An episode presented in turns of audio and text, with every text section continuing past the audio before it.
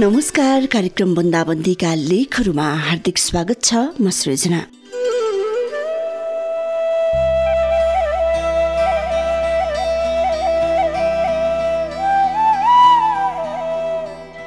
Corona भाइरससँग डराएर घरभित्रै बसेको पनि धेरै भइसकेको छ। हामीलाई न आजभोलि हतार छ न थकाइ नै। विश्राम पाएका छौँ हामीले। यसको ठिक विपरीत सुरक्षाकर्मीहरूलाई दुःख बढेको छ। स्वास्थ्य कर्मीहरूलाई तनाव अनि थकान बढेको छ अनि सञ्चारकर्मीहरूलाई सूचना सङ्कलन र प्रसारण गर्न सङ्घर्ष बढी बढेको छ। त्योभन्दा बढी तनाव र चिन्ता यिनीहरूको परिवारलाई बढेको होला भन्ने मेरो सोच छ। आफ्नाहरूको चिन्ता अनि आफ्नाहरूको मायाले गर्दा। कार्यक्रम बन्दाबन्दीका लेखहरूमा हेर्ने कथाबाट साभार गरिएको एउटा लकडाउन डायरी आज मैले लिएको छु। दिप्सिका राईले लेख्नु भएको लकडाउन डायरी आजको कार्यक्रम बन्दाबन्दीका लेखहरूमा मनैबाट देखेका सपनाहरू शीर्षकको। उहाँको डायरी यसरी सुरु हुन्छ।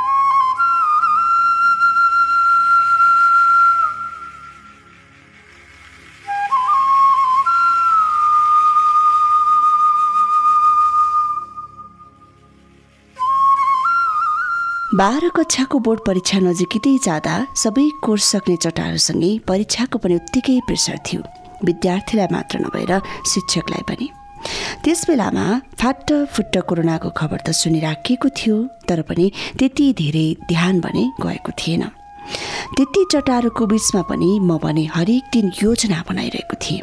राजधानी बाहिर बस्नुको सानो तिनो समस्या भोगिरहेकै बेला कलेजको परीक्षा सकेर काठमाडौँ जाउँला अनि विदेशमा विद्या भारती गर्न जानका लागि आवश्यक तयारी गरौँला भनी सपना बुन्दै थिए।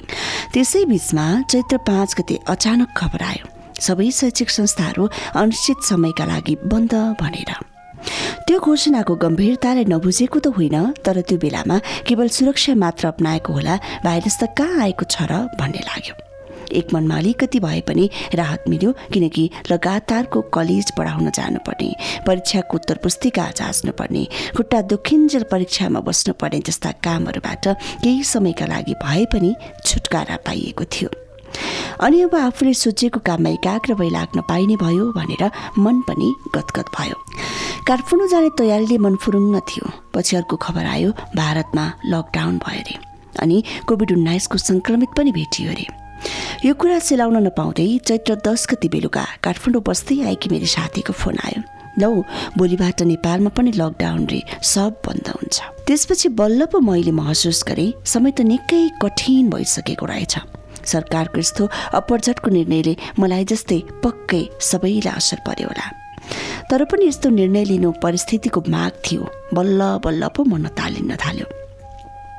घरमा केही रासनको व्यवस्था थिएन। न त पैसा नै साथमा थियो। लकडाउनको तेस्रो दिन थाहा भयो एउटा पसल खुल्छ अरे त्यो पनि सात बजे राति मात्र।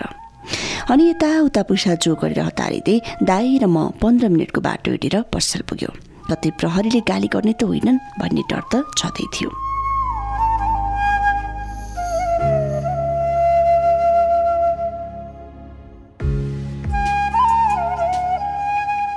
हामी जस्ता मध्यमवर्गीय परिवारलाई त थिग्न गाह्रो भएको अवस्थामा हरेक दिन ज्याला मजदुर गरेर हातमुख जोड्नेलाई कति गाह्रो भइरहेको होला। सम्झदा पनि कहाली लाग्छ। अस्ट्रेलिया बस्ने मेरो भतिजीसँग कुरा हुँदा त जन्मुटु भक्कानिएर आउँछ। त्यसमाथि नचाहिँदो अफवा फैलाउनेको सङ्ख्या पनि उत्तिकै बढिरहेको छ अहिले।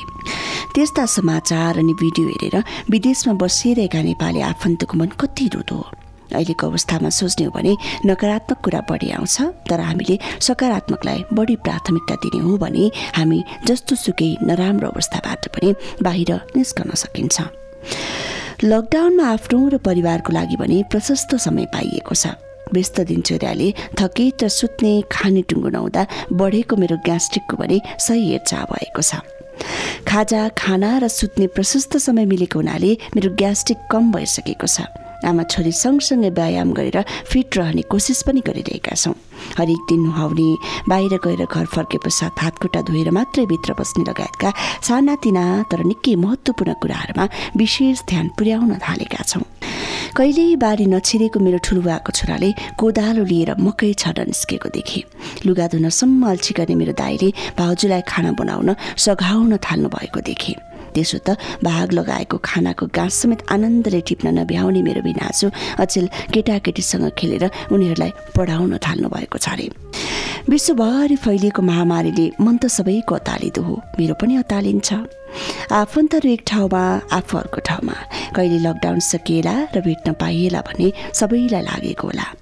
कति परिवारबाट टाढा होलान् कतिका श्रीमान श्रीमती फरक फरक ठाउँमा होलान् भने कतिका छोराछोरी साथमा नहोलान्। सबै कुरालाई एकातर्फ राखेर यसलाई सुनौलो अवसर मान्ने हो भने हामी यो समयलाई अझै उचित तरिकाले प्रयोग गर्न सक्छौँ। कति योजना थाती राखेर बसेका छौँ समय नपाएर। हेर्नुहोस् त यदि लकडाउनको अवस्था नभएको भए हामी केही न केही काममा दौडिरहेकै हुन्थ्यौँ। यो समय आफ्नो सपनाको एक खुड्किलो उक्लने सुवर्ण अवसर पनि हो। कतिलाई गिटार सिक्न मन लागेको होला कतिलाई अङ्ग्रेजी सुधार गर्न कतिलाई टिकटक बनाउन मन लागेको होला त कतिलाई खाना पकाउन सिक्न। यसैले मन लागेको कुरा गरेमा मात्र पनि यो समय सुनौलो भन्ने छ। आजको थोरै दूरीले भोलि जिन्दगीभरिको साथ निर्धारण गर्न सक्छ। ए मिठो सपना देख्दै भोलि सबै कुरा अवश्य सही हुनेछ भन्ने आशा गर्दै बितिरहेका छन् मेरो लकडाउनका दिनहरू। मनैबाट देखेका सपनाहरू अवश्य पनि पुरा हुनेछन्।